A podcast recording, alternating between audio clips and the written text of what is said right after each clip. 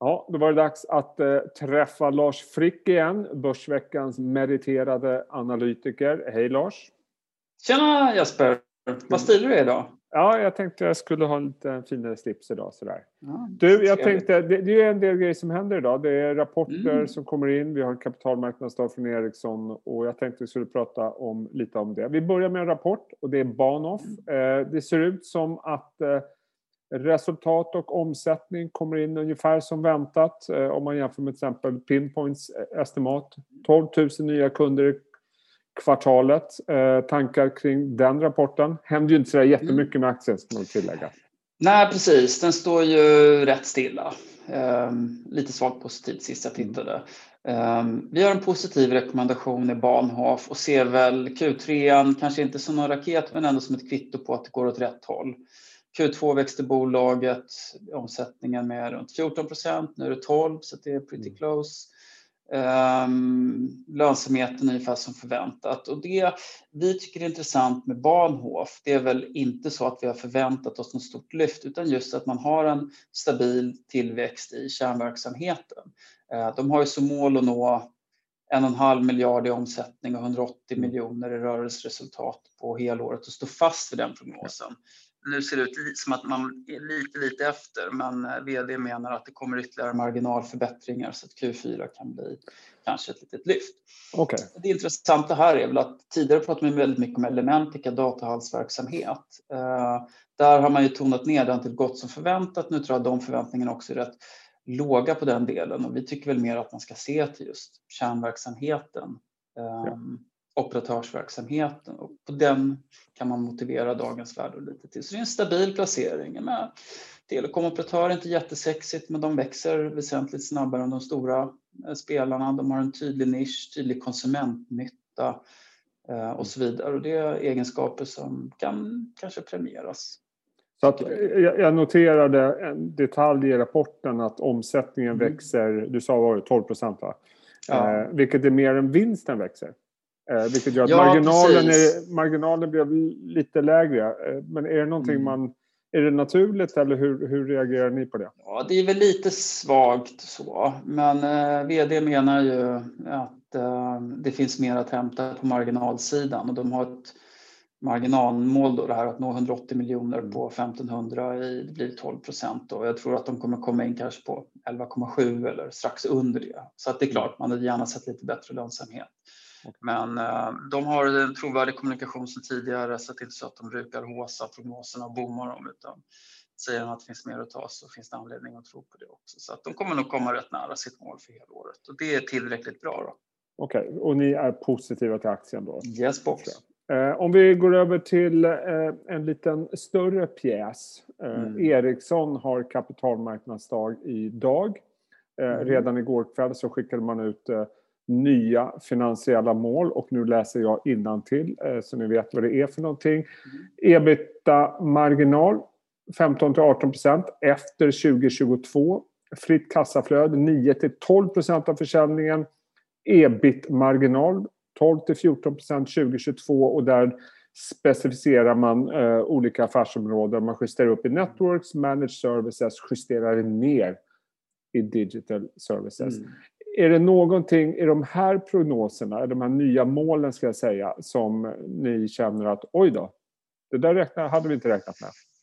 Ja, väl, överlag känns det ju som rätt offensiva mål. Mm. Um, tycker vi då. Och, men det som är intressant är väl att Ericssons moderna, de senaste åren här historia, um, visar på just en stigande marginaltrend så det känns ändå trovärdigt att de kan infria dem. Och sen är det ju alltid kul med med lite offensiva mål från ett bolag. Ja. Eh, så att de har en väldigt bra trend nu. Det finns mer besparingar att ta och givet att lönsamheten faktiskt har förbättrats inom, ja, som du nämnde då, framförallt Networks kanske, även inom managed services, så, så känns det som trovärdiga mål. Så att Ericsson spänner bågen och jag tror att marknaden kommer också vara beredda att, att köpa de här målen. Eh, när jag tittar på era prognoser så ligger ni på en ebit-marginal på strax under 13 procent tror jag det är nästa mm. år. Det låter som det är ungefär i linje med det de kommunicerar. Ja, precis. Mm. Så att det är ju inte så förvånande tror jag, kanske de här målen, utan det ligger väl redan i korten så det är mer en bekräftelse.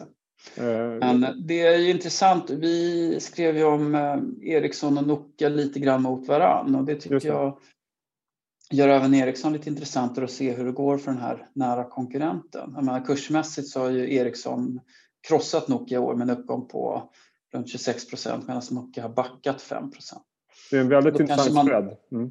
Verkligen. Värderingsmässigt så handlas Ericsson till en ganska stadig premie mot Nokia. Det är väl en 30 procent eller någonting i den stilen. Ja. Um, Nokia kommer också att uppdatera. De har kapitalmarknadsdag i början på nästa år, så i januari 2021. Mm. Men redan nu har de släppt delar av så att säga, den nya strategin, eller i alla fall målat med de breda penseldragen vad det ska handla om. Mm. Det tycker jag är intressant att man kanske går mer mot Ericssons modell. Eh, Nokia tidigare fokuserat väldigt mycket på vad man kallar det end-to-end, att man ska vara en helhetsleverantör så att kunden ska kunna komma och säga vi behöver ett nätverk och så får de det av Nokia. Då. Lite förenklat sådär. Det låter ju väldigt bra, men jag tycker en analogi kan vara H&M och Inditex. Att H&M hade ju väldigt länge en, en eh, monolitisk varumärkesstruktur. Det var bara H&M. Eh, man hade ganska långa produktionscykler och prognostiserade långt i förväg och så vidare. Intex å andra sidan började tidigt med flera varumärken eh, med Bershka, Massimo Dutti och så vidare utöver Zara. Då. Eh, man hade snabbare uppdateringar. och Så där. Sen har ju H&M svängt till att nu också vara en multibrand-plattform. Att man såg att den här liksom, stora monolitiska strategin funkade under många år men Sen kom ju Intex ikapp både lönsamhetsmässigt och har faktiskt, tycker jag, då, presterat bättre än H&M under de senaste åren. Då.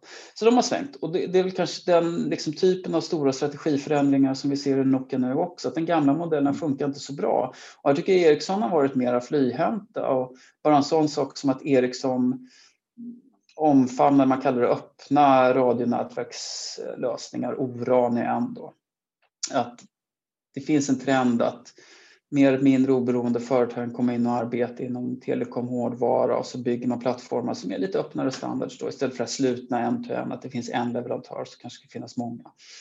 Uh, ungefär som, ja, eller en annan analogi kanske skulle vara att när internet var ungt, telekomoperatörer som försökte bygga sina egna små universum och styra kunderna i en viss riktning, det funkar liksom inte. Ericsson var tidigare på bollen där så att ja, Nokia kanske kan komma ikapp men det kommer ta lång tid och det Ericsson gör och har gjort de senaste åren har verkligen varit helt rätt. Också med fokus på teknik och jag tror de här mjukare frågorna kanske kommer ha större långsiktig betydelse än de här finansiella målen. Då. Att se lite till vad Ericsson har blivit, det är tillbaks till ett klassiskt teknikföretag som en indikation som jag använder, och nu är jag tack och lov inte den enda Ericsson-analytikern, så lyssnar jag gärna på andra som kan bolaget bättre. Men de är patentledare, det är också en bra indikation. Det är liksom teknologi i centrum och det, det lönar sig. Jag tänker lite grann så här, och själv på mig om jag har fel. Eh, att mm. om, man, om man tar Ericsson som har eh, utvecklats väldigt fint senaste tiden och tänker även siffrormässigt med marginaler och, mm. och tillväxt och så vidare. Nu såg jag i och för sig, jag tror det var Nordea som sa till nyhetsbyrån direkt att man var lite besviken på att man inte kom med mer närliggande mål och framförallt inte mm. försäljningsmål. Mm. Men det låter ändå som att Ericsson går väldigt bra. Man kommer med finansiella mål som ligger hyggligt in line med vad marknaden redan mm. förväntar sig. Nokia å andra sidan som värderas på helt andra multiplar om man ska tro på Börsveckans prognoser mm. eh, har haft, som alla vet, problem med topline. Mm. Eller hur? Det har inte varit någon tillväxt. Precis. Men jag ser bland annat i era prognoser att för nästa år så räknar ni ändå med en viss tillväxt. Inte så mycket, men det är ändå liksom mm. över nollan. Och faktiskt mm. stigande marginal. Eh, mm. Nokia handlas till P, vad är det, 13, eh, Ericsson mm. kanske 18, ev ebit mm. ännu lägre. Mm. Jag känner så här, varför inte våga hoppa in i Nokia-tåget? Ja, det är ju väldigt Förstår bra fråga. Större Visst. överraskningspotential kanske? Mm. Exakt, med, med så låga värderingsmultiplar så finns det en större uppsida liksom värderingsmässigt i Nokia. Jag tror att mm. det är ganska lätt att bygga ett case att om bara Nokia skulle kunna nå motsvarande mm. eller i alla fall komma i närheten av, eh, av Ericsson så, där, så, så är det mycket större kurspotential. Ja. Men jag tror å andra sidan att det är lite så att den som leder kommer utöka ledningen. Eh, som marknaden ser ut. Båda bolagen pratar om att nätverksmarknaden i princip har nolltillväxt. Det finns några undantag och Kina är ju ett och därför är den här Huawei-konflikten extra intressant. Um, och att i en sån marknad då, ja kanske att Nokia kan komma tillbaka men det är en väldigt, väldigt lång väg. Ett annat så här lite kanske anekdotiskt men ändå inte tycker jag nyckeltal kan ju se hur mycket man lägger på forskning och utveckling och där. Mm lägger Ericsson väsentligt mycket mer. Jag tror att under sista kvartalet så var det någonstans i storleksordningen 29 miljarder mot Nokias 22. Mm. Och för ett bolag då som jag tycker ligger bakom Ericsson och vill komma ikapp, ja då, borde man ju måste man investera mer för att växa snabbare. Så det är en lite svår ekvation för, för Nokia. Ja, ny strategi, det är låg värdering. Om de bara skulle kunna tweaka siffrorna lite grann så framstår det som billigt. Men jag, jag tror att de kommer fortsätta underprestera operativt. Ja. Och då är ändå Ericsson mer attraktivt även till högre multiplar. Ja. Det är mina förmör då, så får vi se när vi hör, hörs igen här om ett år. Ja, ja, nej, men jag har... 51 nya avsnitt, men, men det är i alla fall vad, vad jag tror. jag har ingen anledning att betvivla det. Det låter väldigt klokt, eh, tycker jag.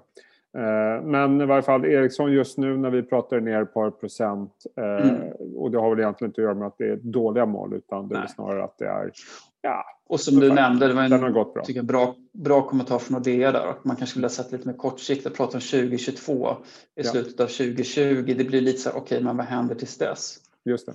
Det kanske också, jag vet inte, det kan man väl tolka lite på olika sätt. Kanske ärligt och säga att vi vet inte exakt, men vi vet mm. den långsiktiga riktningen. Uh, och vägen dit kanske blir lite kring, lite snårig så. Ja, spännande. Men det hade varit tryggare.